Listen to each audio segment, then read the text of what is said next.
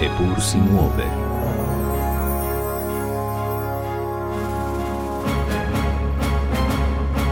In vendar se vrti. Ruska agresija na Ukrajino je ostro zarezala v tkivo evropske družbe. Sprva se je zdelo, da je obsodba invazije vse splošna, vedno bolj pa se izrisuje različnost mnen. Kljub temu pa vsaj na ravni voditeljev držav in Evropske unije za zdaj vlada širok konsens glede pomoči Ukrajini in nasprotovanja Rusiji. Mnogi bi dejali, da je kar preveč militantna in enostranska, kot bomo videli, pa zatem tičijo precej jasni razlogi. Dr. Benjamin Talis deluje v Berlinu kot raziskovalec in sodelavec na mislišču Nemški svet za zunanjo politiko. Začetek ruske invazije na Ukrajino, kjer je prav tako deloval v preteklosti, ga je vzpodbudil k pisanju člankov in nastopom v medijih. Kmalo po začetku vojne je v evropski politiki, predvsem v srednji in vzhodnji Evropi, začel opažati oblikovanje nove samozavesti in navdušenja nad demokracijo, ki predstavnike mlajše generacije voditeljev vodi pri njihovem delovanju. Koncept neoidealizma je zapisal v aprilskem članku in ga od tedaj precej podrobno razdelal. Torej, kaj je neoidealizem? Yes, neo-idealism is a morally based approach to geopolitics, and it's it's grounded really in the power of values which are conceived as ideals to strive for and so to work towards. Neo-idealizem je na morali utemeljen pristop v geopolitiki. Za izhodišče jemlje moč vrednot, ki jih dojema kot ideal, za katerega si je vredno prizadevati in se zanj truditi.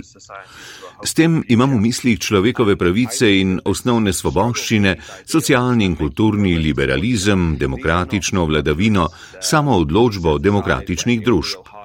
Pa tudi pravico državljanov v teh družbah do upanja v lepšo prihodnost. Boja za te ideale in napredek v tej smeri ne vidim kot razkošje, nekaj, kar bi v času, ko se ukvarjamo z bolj perečimi problemi, morali potisniti v stran.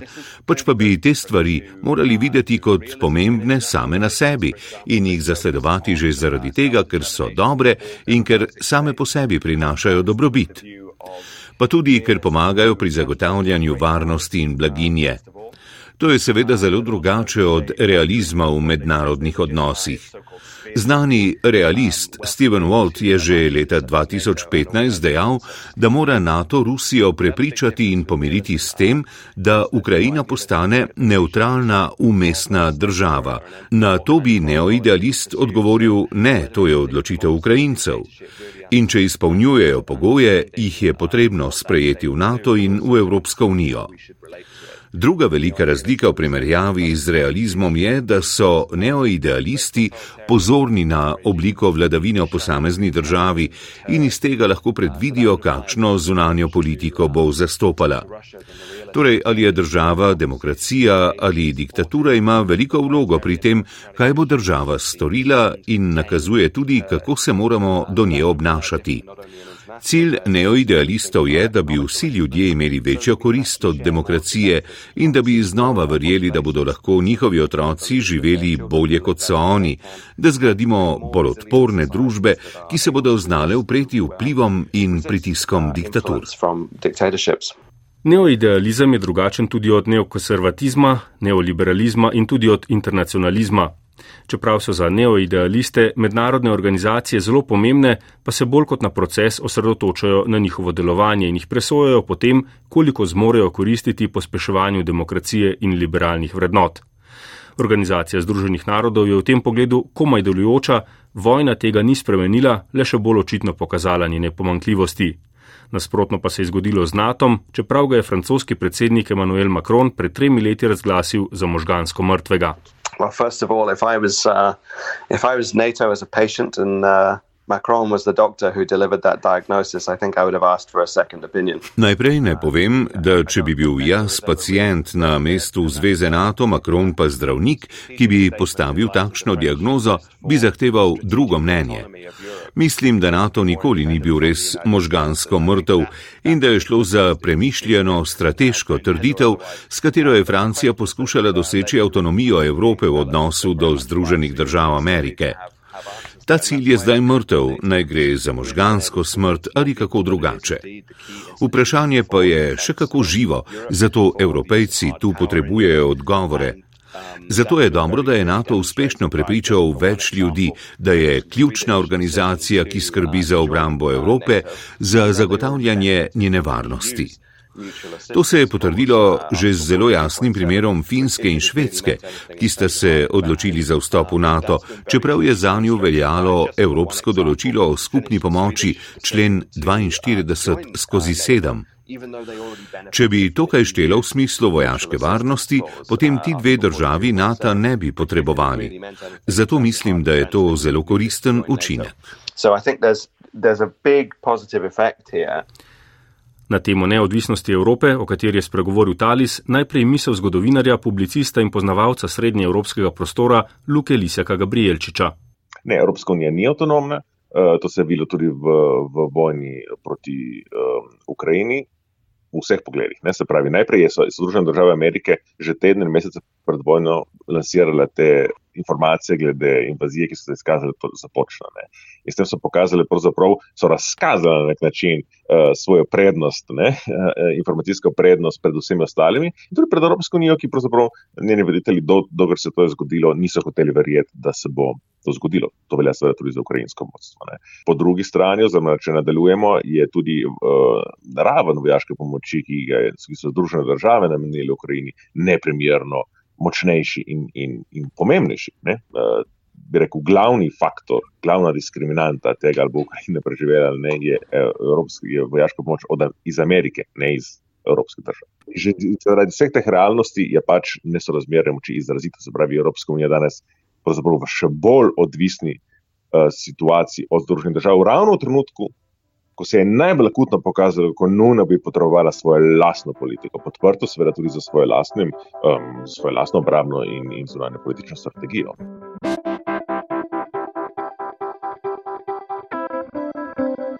Druga istočnica, ki jo je podal dr. Talis v enem od prejšnjih odgovorov, pa je pacifizem. Na namreč neoidealisti ne gledajo s prizanesljivostjo, Dr. Talisa sem vprašal, če ne bo kdo dejal celo, da je neoidealizem drugo ime za rusofobijo in gosta spravil v iskren smeh. Res je, neoidealizem pogosto kdo zameša s čim drugim. Zamešajo ga z neokonzervatizmom, tudi z liberalnim internacionalizmom. Da bi ga kdo zamešal z rusofobijo, pa še nisem slišal, ta je pa kar zanimiva. V odnosu do pacifizma drži, neoidealizem ni pacifistična filozofija, saj si prizadeva za mir z odvračanjem in z močnejšo vojsko. Zaveda se, da avtoritarnih režimov ne moreš zaustaviti z dobrimi željami. Opažam, da nekatera pacifistična gibanja v Evropi nažalost temelijo na zelo ciničnem pristopu do liberalnih vrednot. Vanje sploh ne verjamejo. Stališče neoidealizma je, ne, te stvari lahko približamo več ljudem in zato bi si morali prizadevati. Neoidealizem prav gotovo ni antiruski, nikakor. Čudovito bi bilo, če bi Rusiji vladal neoidealističen režim, a do tam je še zelo dolga pot. Da se to zgodi, je potrebno aktualno rusko oblast odbiti, omejiti in izolirati, s čimer bi dosegli, da bi več Rusov spoznalo, v katero smer morajo iti spremembe. Z neoidealističnim pogledom na svet bi doživeli razcvet in upam, da jim to slejko prej uspe. Pa vseeno, kako ljudem razložiti paradoks, da neoidealisti zagovarjajo povišanje obramnih proračunov, krepitev vojaške industrije, dobave tankov v Ukrajini in se tako z orožjem, ki prinaša trpljenje in smrt, borijo za več miru? It's, it's to sploh ni paradoks.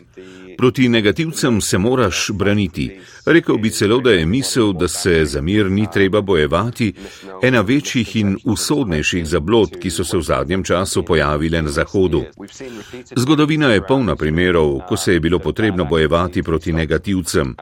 Najpogosteje uporabljen primer so seveda nacisti, a je v zgodovini še mnogo drugih podobnih primerov, iz katerih vidimo, da dobra volja in dobre želje ne bodo zadržale zlobnežev, ko je ogrožena demokracija.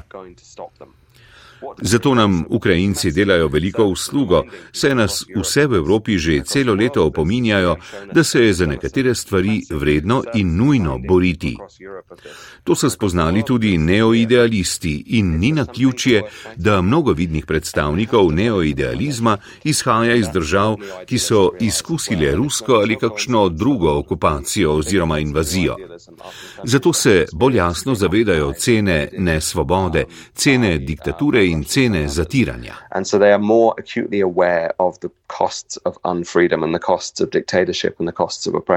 Na isto temo Luka Lisja Gabrielčič ponuja citat začetka 19. stoletja, ko se je Evropa branila pred Napoleonom. Ja, ja veste kako, ne, jaz tukaj vedno rad citiram tam. Ma, premalo znanja, mogoče citat tega znanega nemškega teoretika Karla Klauzevica, ne, ko je zapisal, da je uh, agresor vedno ljubitelj miru. V državi bi rad prodrl brez odpora. Da mu to preprečimo, moramo prijeti za orožje. Ne. In tukaj gre preprosto za to. Um, država je napadena in eh, se mora obraniti. Ne. To seveda uh, bo to pripeljalo do, do miru, tega pravzaprav ne vemo tudi mi, ki, ki bi rekel, podpiramo napore Ukrajine po obrambi, ne moremo uh, preveč naduto uh, trditi, da bo to pripeljalo kaj k mali do miru. Lahko pa uh, argumentirano uh, zagovarjamo nasprotno stališče, se pravi, da bi nasprotno stališče, se pravi, ne dobava orožja, ne podpora ukrajinski obrambi ta pacifizem agresora, ne, o katerem je govoril Klausovic, prav gotovo ne privede do miru, temveč bi pravzaprav privedel še do naslednjega uh, ciklusa vojne. Ne. Se pravi, nismo soočeni z črno-belo situacijo, smo soočeni kot vedno v politiki z um, slabšo in mnogo, mnogo slabšo rešitvijo.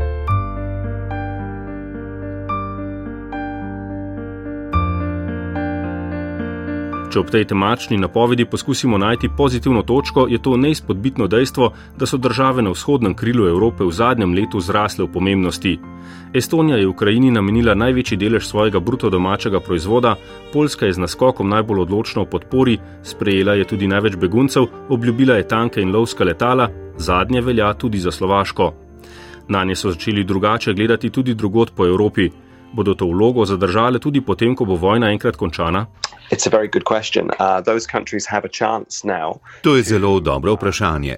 Te države imajo priložnost, da to novo moč, novo areno, ki so jo dobile za svoje ideje, tudi izkoristijo. Še posebej Estonija in Češka. Češka se je v času svojega predsedovanja izkazala kot močna voditeljica. Kaja Kalas je v Estoniji slavila veliko zmago na parlamentarnih volitvah, s katero so voljivci potrdili njena stališča. Večja težava pa bo v to prepričati velike države. A tudi tu obstaja upanje, saj smo neoidealistično retoriko že slišali tudi pri drugih voditeljih. Ključno pa je, da so se srednje in vzhodnoevropske države tu res izkazale z doslednostjo in da so s tem Estonija, Latvija, Litva, Češka in tudi Finska v tem pogledu naredile res veliko. Na Zahodu hkrati razpolagamo z upanjem in z bojiščem idej. V interesu vseh zahodnoevropskih držav in zahodnih demokracij pa bi moralo biti, da obnovimo liberalni svetovni red. Ali bodo to prepoznali tudi drugi, pa je odvisno od nas in od našega truda. Vzhodna Evropa se je torej o preteči nevarnosti zdramila in začela govoriti z bolj jasnim in prepričljivim glasom. V tem kontekstu lahko razumemo tudi zamrtje Višegrada, ki ob odločnosti Polske in razumevajočem odnosu Mačarske do Rusije ostaja le še črka na papirju. Luka Lisa Gabrielčič meni, da vojne še ne bo kmalo konec um, stanje v Ukrajini se ne bo normaliziralo še zelo dolgo časa, ker vrnitev na status quo ante ni. In to samo po sebi pomeni, da se je, kako bi rekel, celotna samo predstava Evropske unije spremenila, da je ponuj razmer bo bolj, kako bi rekel, bo, bo bolj antiruskega značaja. Ne. Bo ta vloga, kako bi rekel, zadrževanja ruskega ekspansionizma mnogo bolj poudarjena kot eden izmed smotrov Evropske unije še v naslednjih letih in morda desetletjih, dokler se bo ta šok glede te vojne ne bo polegel, to bo trajalo še kar nekaj časa. Uh, in to seveda pomeni, da, je, da so senzibilnosti, da rečem tako, in uh, okviri razmišljanja, ki so značilni za vzhodno evropske države, tukaj bi seveda razširili, tukaj ne mislim samo s postkomunistične države, ne? v ta blok vzhodno evropske države, države, ki so pravzaprav na vzhodnem robu Evropske unije, moramo prišteti vse še Finsko in tudi Švedsko. Ne? Po drugi strani so pa tukaj, uh, bi rekel, geopolitične in ekonomske realnosti. Ta vzhodni blok Evropske unije je ekonomsko šipkejši demografsko nazadujoč uh, in enostavno preprosto nima tiste geopolitične teže znotraj Evropske unije. Če bo ta vzhodni blok, kar je zelo značilno za polsko zunanje politiko, uspel navezati trajno, kako bi rekel, trajno os združenimi državami, potem bo tukaj situacija drugačna. Ampak kot vemo, so združene države v izjemno, kako bi rekel, um, labilni notrne politični situaciji in pravzaprav ni mogoče, kako bi rekel, uh, ni več, ni več tiste stabilnosti v zunanji politiki, mi ne vemo, kako se bo obnašala naslednja administracija. Ne. Tako da jaz mislim, da uh, obe, obe stvari so tukaj, obe stvari je treba tukaj upoštevati. Se pravi, po eni strani preusmeritev na nek način Evropske unije proti vzhodu, v smislu, da se je to vzhodno vprašanje, če smo tako reči, postalo dosti bolj uh, akutno ne, pri delovanju Evropske unije, po drugi strani pač razmerja sil, zlasti ekonomske, uh, ekonomskega inputa in vojaškega inputa, uh, ki so takšna, kakršna so in bodo še nekaj časa ostala takšna, kakor so. Uh, kljub vsemu pa mislim, da bo, da bo relativno teža, vsasti polske Evropske unije se okrepila. Vseeno pa se idealistično stališče neoidealistov zdi vsaj malce naivno in preoptimistično a tu Lisija Gabrielčič izpostavlja precedens. Ne, to je stališče, na katerem temelji institucionalni ustroj Evropske unije. Um, Meni se zdi, da to razlikovanje med, kako bi rekel, realizmom in, in, in idealizmom je pač to sta koncepta, ki jo je treba kritično pretresne. Eh, realizem sam sebi imenuje realizem, čeprav je dosti krat zelo odtujen od realnosti in idealizem je tudi manj idealističen, uh, kot bi tudi sam sebi um, marsikdaj želel priznati. Ne. Evropska unija deluje na principu, ki zavrača, kaj zavrača? Imperializem ne tu kur, ne. Zavrača imperializem na evropskih tleh, se pravi, se pravi, zavrača idejo evropskih imperijev. In Evropska unija dejansko deluje tako, da daje nesorazmerno veliko uh, moč in vpliv tudi majhnim članicam. V tem, primer, v tem pogledu je resnično mm, uh, nek, nek unikum tudi v, v, zgodovini, v zgodovini Evrope in, in, in širše. Ne. Realizem pa pri nas tira razumevanje, da to ni neko naravno stanje, to je neko stanje, ki se lahko kaj hitro poruši. Ne. In da se pravi, uh, obstajajo zelo močni interes, da se vrnemo v logiko v logiko vplivnih sfer. In kar moramo mi razumeti, kot slovenci, kot majhna država, je, da če bi prevladal, če bi prevladala logika, ki jo je v znani politični, uh, rekel, uh, v znani politični viziji ima, uh, torej predlaga Rusija, ne, potem bi bilo to pogubno. Zakaj? Za uh, Evropo, dolgoročno, verjetno, ja, ampak srednjeročno in kratkoročno, pa najprej za majhne evropske države. Tiste evropske države, ki se nuj, nu, po nuj stvari znašla v vplivni sferi te ali one države. Ne.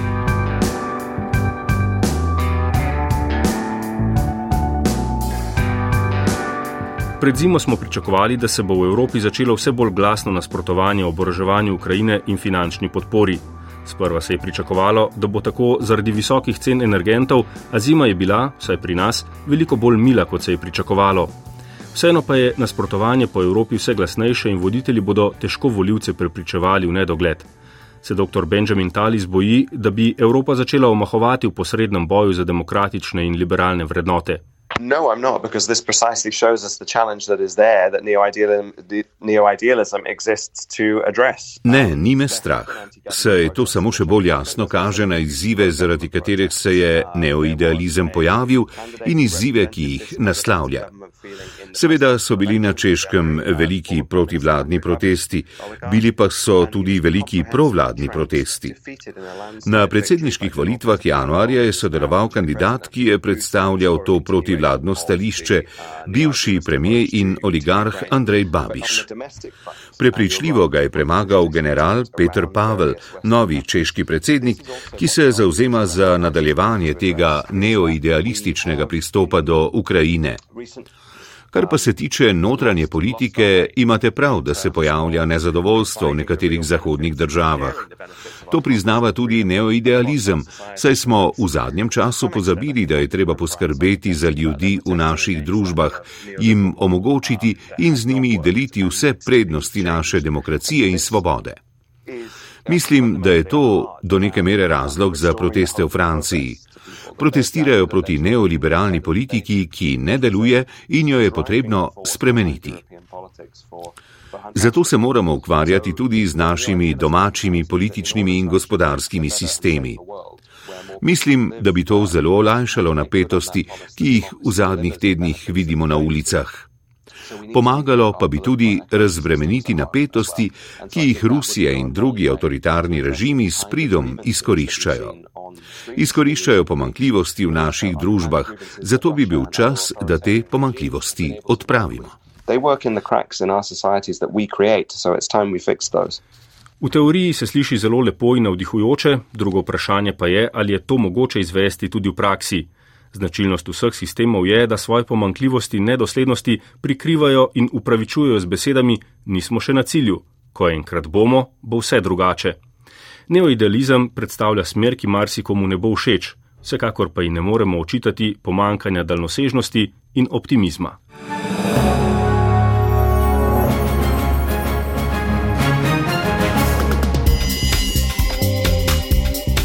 Poslušali ste oddajo zunanje političnega uredništva Epur Simove in vendar se vrti o neoidealizmu in usponu pomembnosti držav Srednje in Vzhodne Evrope.